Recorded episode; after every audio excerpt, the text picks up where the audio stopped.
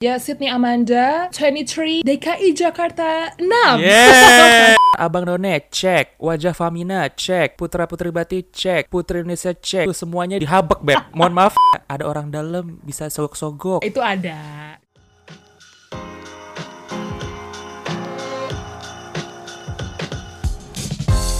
Hi, you're listening to Get Real with Ryan, a podcast that inspires people to show the real side of them with the purpose of sharing valuable knowledge and also learning from each other's life experiences as a lesson and a process to us. My name is Ryan, and let's get real.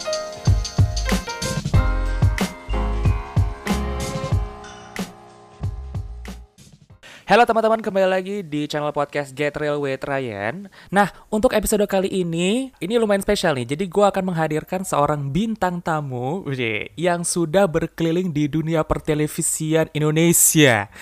Wow, coba sebutkan siapa Anda. Halo, selamat malam. Wow, Gitu ya. halus banget suaranya ya. Tadi kayaknya pas sebelum tag ini Agak geradakan ya sebelum ini ya. Halo Rian, apa kabar? Hai, baik. Kak Sydney. Aduh, udah selama ini kita berteman, tetap panggil kakak ya. Aku agak agak terharu sama agak sedih sebenarnya. Oke, nah sebelumnya kita akan bacakan mengenai fakta-fakta dari narasumber kita. Jadi ada lima fakta. Yang pertama, nama lengkapnya adalah Sydney Amanda Ramandita, lahir tanggal 18 Februari 92. Betul nggak tuh? Tuh. Fakta yang kedua adalah, wah pernah ikutan Abang None, cek. Wajah Famina, cek. Putra Putri Bati, cek. Putri Indonesia, cek. Waduh, semuanya di dihabek, Beb. Mohon maaf, lagi mau ngerampok apa gimana nih koreonya? Ah, kebetulan itu semua dikerjakan dalam tahun yang berbeda, Kak. Kirain satu tahun langsung dihabek. Karena kalau misalnya, alhamdulillah, alhamdulillah beda tahun. Karena kalau misalnya satu tahun semuanya, aku bingung karantinanya. Emang karantina kayak gitu berapa lama sih, Kak? Gimana kak?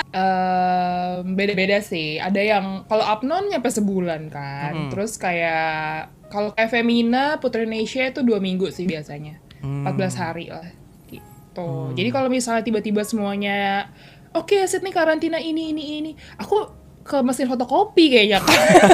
Nanti bisa dikelompong dulu. Nah, fakta yang ketiga Oh, adalah baik. my life was far from beauty something. I join Paskibraka. Jadi yang mana paham kan latihannya kayak apa? Wow, jujur agak lengkap ya, Wak, detailnya. Terus fakta Iya, yang sekali. keempat selanjutnya adalah pernah tinggal di Bali. Dan yang kelima sebenarnya adalah orang Padang tapi nggak pernah mewakili Sumber. Nah, lo.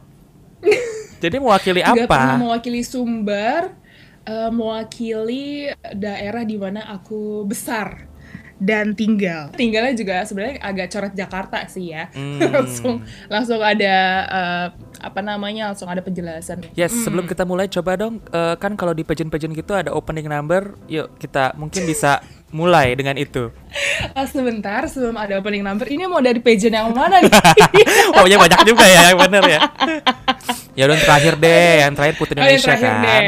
Oh baik baik baik. Bismillahirrahmanirrahim. Angkatan siapa sih, Kak, ya. dulu? Angkatan yang menang Elvira waktu itu Hmm. 2014. Oh my god. Udah lama itu ya? Six years ago. Iya lama banget loh. Ya udah itulah. Jadi anggap saja Sydney Amanda eh, 23 DKI Jakarta 6. Yeay, luar biasa. Oke, jadi hari ini dulu- kita akan ngebahas sebuah fenomena yang terjadi eh, di industri pageant di Indonesia gitu. Nah, jujur Kak, pas Wow, aku ngelakuin oke. research ini tuh banyak banget materinya sampai kayak aku bahkan baru tahu ada berapa nama pageant yang ada di Indo. Misalkan kayak eh, Miss Coffee atau mungkin kayak ada Miss Polo kayak banyak juga loh I see. ternyata. Tapi mungkin visinya kan beda-beda ya tiap organisasi. Betul. Betul betul betul. Mungkin boleh nggak nih Kak diceritain awal mula interested sama ikutan pageant nih gimana sih? Kalau ngomongin gimana bisa ikut, itu sebenarnya lucunya adalah dulu kecemplung sih. Hmm. sesungguhnya. Jadi jadi emang um, yes, I was a very tomboy girl since I don't know when. Jadi emang kayak dari kecil sebenarnya bukan tomboy juga ya. Jadi kayak karena dari lingkungan keluarga itu kebanyakan keluargaku uh, kayak sepupu-sepupu tuh laki-laki gitu Hmm. kan. Jadi kayak memang terbiasa dengan kayak main sepeda, manjat pohon. Dulu aku manjat pohon loh bang. Wow. Pasti kalau pulang ke rumah itu zaman dulu banget ya, zaman SD. Hmm. Itu tuh ini kalau misal kamu tahu pasti ketahuan nih angkatannya kayak ada uh, udah sedia nih mak gue yang namanya obat merah. Hmm. Oke. Jadi emang karena pernah aku dari SMP sebenarnya udah modeling, udah masuk ada dulu oh my god namanya Aneka Yes. Itu Hmm. juga karena ya itu dia karena terbiasa dari kecil sama temen apa sama saudara yang laki-laki, terus kayak pas udah besar jadinya kayak aku malu gitu loh, kayak kan udah ya namanya perempuan kan sudah ada banyak yang numbuh ya gitu dan kayak berasa aku nih agak bongsor. Jadi kayak dulu tuh kayak jalannya kayak nekuk gitu loh kayak jadi kayak udang gitu. Nah Hmm, terus hmm. akhirnya dimasukin lah ke modeling school. Dulu pernah nih em, aku sempat mau ikut gatsam tapi pas dipanggil akunya lagi umroh. Jadi emang kayak Hmm. nggak nggak nggak match lah. Sampai akhirnya maksudnya udah udah nggak nggak ada penerusan dari beauty everything gitu. Jadi emang intinya cuman modeling school karena untuk membalikan lagi kepedeanku dan Hmm. biar jalannya bener lagi that's it nah sampai di SMA masuk paskibraka kan tuh nah itu bahkan udah jauh banget kan dari per beauty beautyan lah gitu. Karena nggak mungkin banget ada beauty secara latihannya ngaco banget. Hmm. tiap hari digoreng Hmm. di bawah terik matahari udah udah kayak gue boro-boro deh ada cerita cinta kayak nggak ada wa soalnya. Nggak ada yang mau naksir juga. Lo bayangin udah gendut hitam rambutnya pendek cepak. Kayak cakep banget kan. Cakep banget itu. Dan itu zaman SMA cewek-cewek lagi pada pakai rok mini kayak rambutnya panjang-panjang gitu kan kayak ah udahlah bye banget SMA gue dulu itu aku berkuliah di ya udah disebutin aja di UI Mm-mm. di Depok kan nah Mm.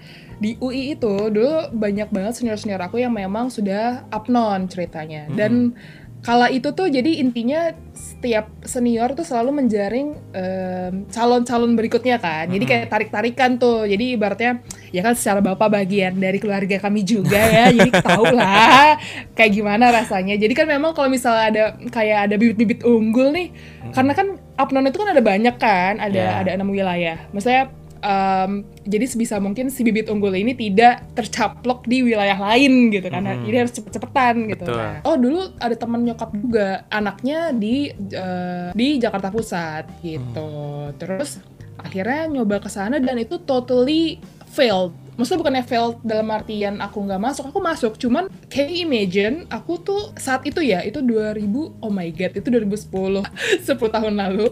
I was 18 just turning 18 Mhm. aku nggak punya rok nggak punya make up jadi benar-benar kayak ya apa ya jangan kan pensil alis kayak I have no idea what what kind of utensils. Jadi sama sekali nggak tahu menau. Mm-mm. jadi sampai sana itu bener-bener yang ya udah gue ala kadarnya aja seala kadarnya itu. Dan, jadi kayak dan itu pageant pertama ya? mungkin kalau yang pageant pertama upload tuh pageant pertama. Kayak I have no idea what what am I uh, getting into. Jadi bener-bener yang aku nggak nyari tahu apa itu upnon aku nggak searching apa pun gitu. Emang kayak datang datang aja. Gimana sih you know misalnya kayak rasa kayak ya udah nih lo disuruh datang ya udah datang gitu ya. Mungkin yang penting kayak ya udah checklist gue datang. Karena aku juga nggak mikir aku akan masuk. Misalnya kayak kayak I was senggak pede itu. Karena gue nggak prepare apa pun at all gitu. Kayak bahkan nggak belajar oh apa pun deh gitu. Jadi bener-bener yang nyampe sana udah dengan pokoknya semua peralatan emak gue kan. Jadi kayak dari blazer kegedean pakai celana bahkan celana bahan beb. Udah kayak laki-laki kan wah Mau kerja ya, Wak? ya iya makanya nggak soalnya kalau di upload itu kan yang cowok pakai celana yang cewek pakai rok kan. Dan itu kayak udah totok gitu loh. Jadi satu-satunya cewek yang pakai yang pakai celana itu cuma gue. Kalau itu. Seada-adanya. Kayak I have no idea gimana caranya kayak alis tuh kayak gimana pakai bulu mata juga enggak. Karena gue nggak ngerti beb asli at all Jadi maksudnya setelah audisi, finalis, terus gimana adjustmentnya belajar makeup di situ kah atau dari sekian banyak banyak soalnya ya pageant yang telah aku lalui Mm-mm. I really take my gratitude to Abang None sih. Jadi karena itu adalah sebuah kontes yang kayak it- it's not just a beauty competition gitu. It's more than a beauty show menurut aku ya. Karena kayak aku merasakan sendiri dari Sydney yang um, ya mungkin simple things adalah Sydney yang nggak bisa make up, Sydney yang nggak tahu how how to dress like a woman, sampai kayak public speaking dan lain-lainnya, sampai kayak ke- kekerjaan pun itu semuanya aku bisa bilang aku bisa dapetin itu dari Apnon gitu. Jadi itu benar-benar adalah pintu pertamaku untuk another level gitu loh. Zaman gua final Apnon aja tuh yang datang cuman kayak sahabat-sahabat yang deket yang dari SMA dari kecil sama keluarga yang udah sepuh-sepuh gitu loh. Kayak sementara yang lain kayak bawa sekampung bawa gengnya apa-apa segala macam kayak ya udah gitu. Dari Apnon itu itu adalah base kayak foundation aku. Karena I was the youngest at that time. Jadi Apnon itu kan ada lagi-lagi Apnon itu ada enam wilayah kan. Dan wilayahku which is tuh Jakarta Pusat itu tuh jarang banget yang usianya muda. Jadi biasanya tuh starting at least 19 or 20 karena yang biasanya kayak udah lebih mateng lah gitu, udah lebih mature itu biasanya yang masuk jadi finalis biasanya. Jadi ketika aku masuk, panggilanku tuh baby. Oh ya, karena emang u- Iya. literally karena paling muda was- dipanggilnya baby. Yes, yes. Jadi kayak emang sebayi itu bener-bener yang kayak hah, hah, hah gitu. Jadi yang kayak bener-bener bayi, bayi banget bener-bener yang kayak bahkan gue pakai bulu mata aja thanks to my abang. Abangnya yang bisa make up ya. Sumpah. Eh, eh, makanya makanya nah ketika di Apnon aku ngerasa wah this is another family yang kayak ini ini bukannya kompetisi ini adalah keluarga baru gue gitu aja nah itu adalah mulai awal cerita kenapa aku merasa there's a lot of things yang kayak um, aku bisa gain dari sebuah kompetisi khususnya adalah beauty pageant gitu Oke, dari Seperti situ itu. eh, apa lagi? Setelah Apnon, pageant apa lagi? setelah Apnon, nah karena Apnon kan udah pertengahan tahun tuh Mm-mm. gitu kan, terus lanjut ke tahun berikutnya Wak, jadi nggak di tahun yang sama nih. itu aku ikut uh, wajah Femina sama Putra Putri Batik 2011 berarti ya. Oke, itu di itu satu tahun. juga ceritanya oke baik itu di satu tahun. nah, karena waktu itu juga masih kuliah kan sebenarnya belum belum lulus juga. Nah, jadi kayak aku tuh ikut ikut ikut aja gitu. Jadi kayak em, dalam artian gini, aku tuh nggak merasa kala itu ya, aku tuh nggak merasa aku akan masuk. Jadi aku ngelamar kedua-duanya gitu loh. Oh, Jadi kayak baik. ya nothing tulus gitu. Jadi kayak eh, ibaratnya kalau gua nggak dapet yang A, ya semoga gue dapet yang B. Cuman kalau nggak dapet ya udah gitu. Karena nggak mikir akan masuk beb. Kayak, kayak gini, kayak imagine wajah Femina itu dari berapa ya 2.500 apa 3.000 pokoknya kayak banyak banget kamu bayangin ada cewek kayak aku 3.000 Hmm. 3.000 cewek kayak aku Dipilihnya dan berapa? kamu nyarinya gimana nah 20 Wah.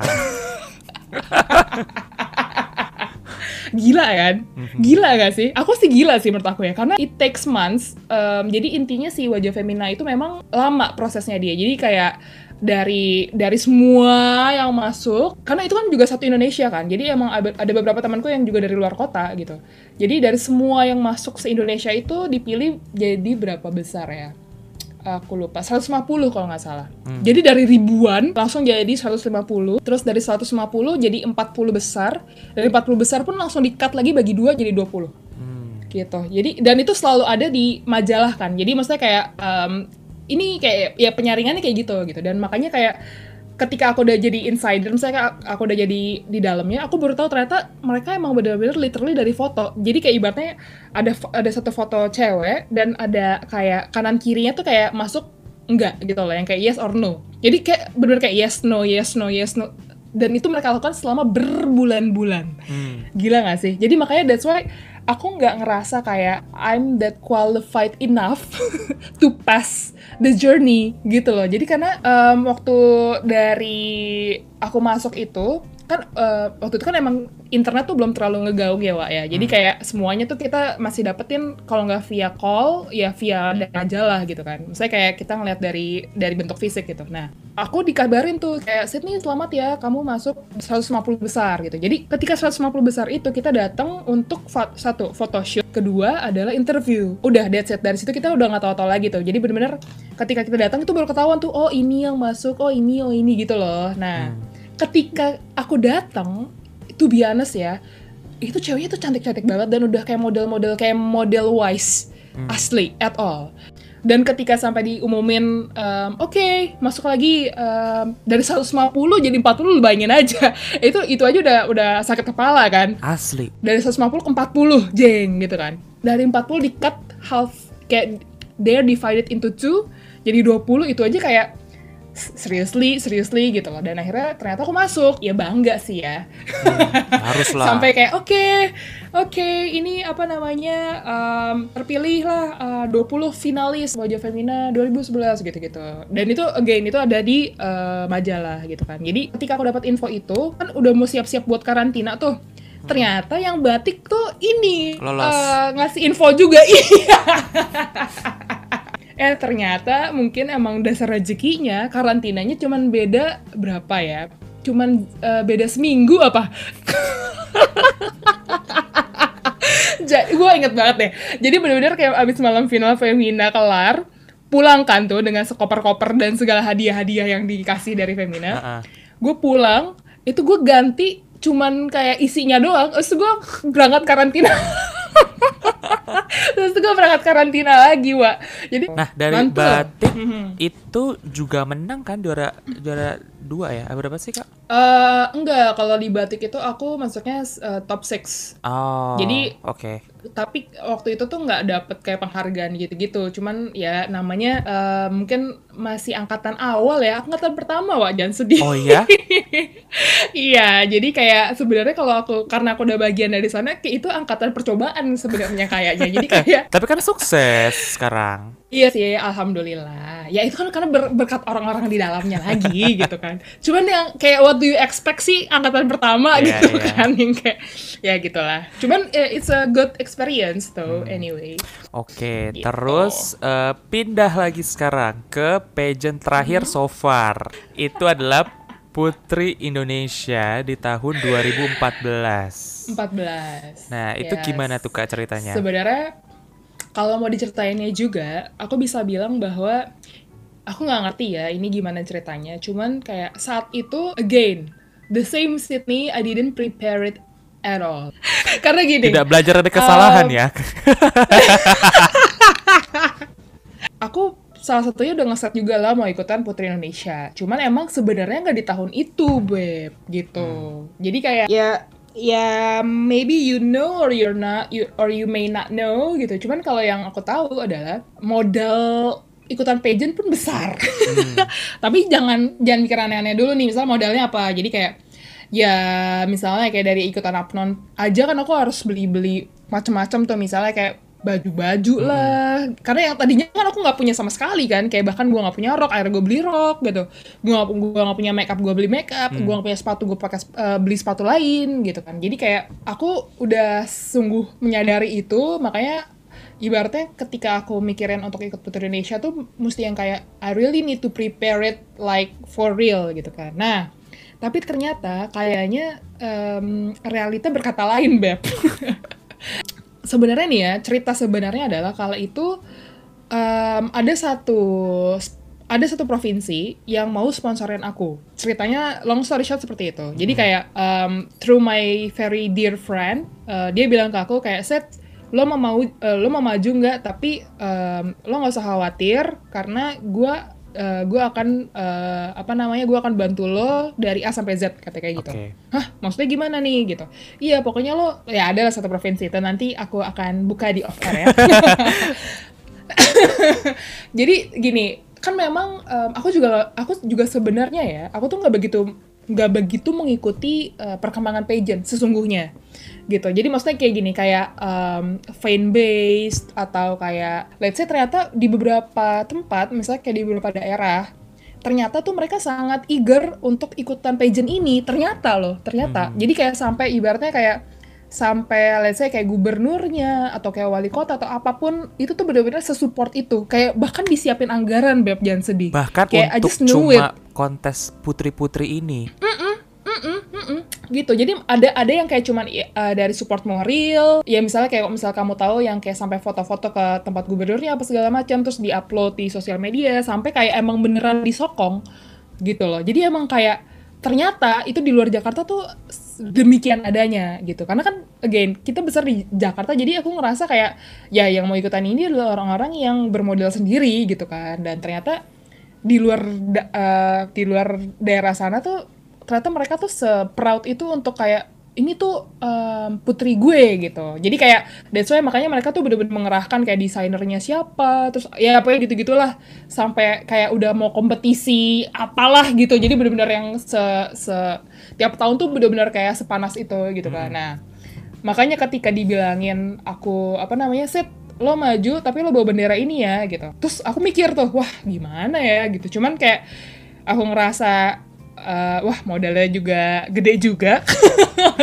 Karena kan apa ya karena em, dari upnon aja juga banyak juga yang none-none yang udah pernah ikutan kan. Jadi aku se- sedikit tahu udah banyak cerita-cerita lah gitu. Kayak em, let's say harus nyiapin kayak gaun malam terus kayak cocktail dress apalah gitu-gitu. Yang kayak sebenarnya tuh remeh-temeh ya cuman kalau lo nggak punya itu kan costnya banyak banget wa gitu loh. Jadi let's say kayak misalnya gini let's say tadi aku udah bilang ya kayak karantina misalnya dua minggu deh gitu. Dalam dua, dalam dua minggu satu harinya seenggak-enggaknya kita mesti nyiapin tiga set baju.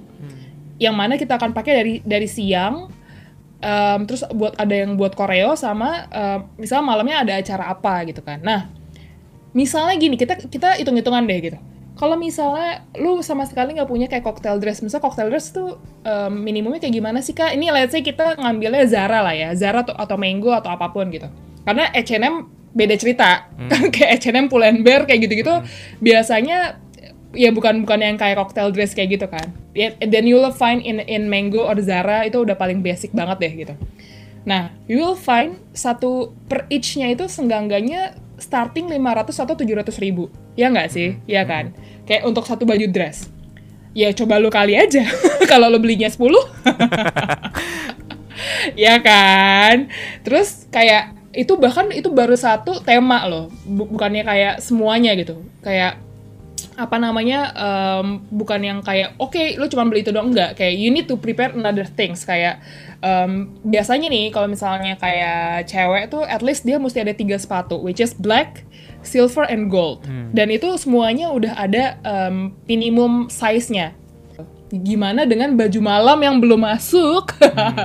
Yang mana sesungguhnya itu lo wah itu gila sih. Itu kayak itu mah i- itu itu ma- eh, apa namanya itulah yang di mana akhirnya em, kayak ada beberapa desainer yang akhirnya menyokong kan. Kayak dia dia mau support siapa dia pinjemin bajunya. Atau misalnya kayak dulu tuh zamannya gue ada, ada Mas Anas terus ada bajunya siapa lah gitu. Jadi yang emang dipinjemin. Karena kalau lo beli itu udah kayak beli baju buat kawinan beb. Tapi gue penasaran nih kalau saya kayak eh, akhirnya Apa? di maksudnya dirimu akhirnya agree nggak tuh untuk disokong sama si Nah, provinsi itu? akhi- agree. Kenapa? Akhirnya karena gue ngerasa gue nothing tulus. Karena saat itu mikir, eh, jadi si daerah itu tuh salah satu eh, tempat di Sumatera gitu. Walaupun bukan Sumatera Barat ya. Cuman gue ngerasa ya karena gue udah ada desainer lah beb. Pokoknya dari desainer apa segala macam em, akan disokong dari pemerintah sananya pun mau untuk untuk untuk support. Kayak itu to be honest, aku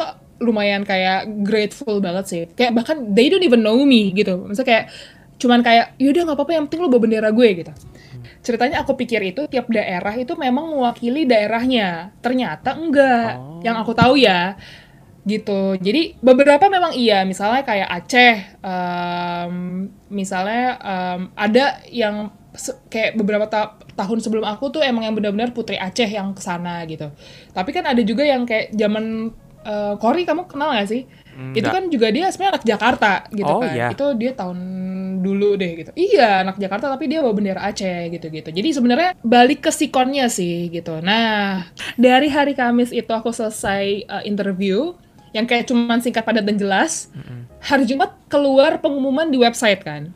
Itu bahkan juga gue taunya dari teman gue gitu. Jebret! Sydney DKI 6 bubar jalan dong ya Modal kan? sendiri dong.